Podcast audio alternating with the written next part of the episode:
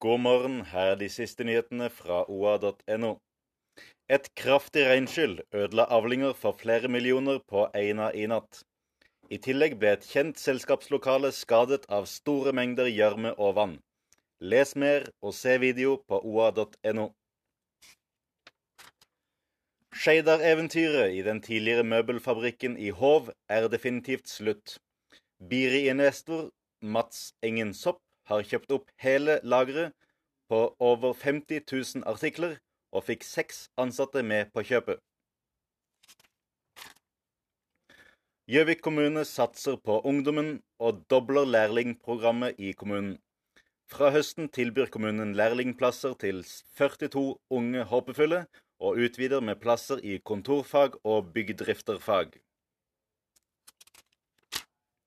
Vannet fra Skjellbreia tærer opp sementen og ødelegger flisene på Totenbadet, men regnes som supert drikkevann. Mjøslab forklarer hvordan dette kan ha seg. Følg med på oa.no for de siste og viktigste nyhetene fra Vest-Oppland.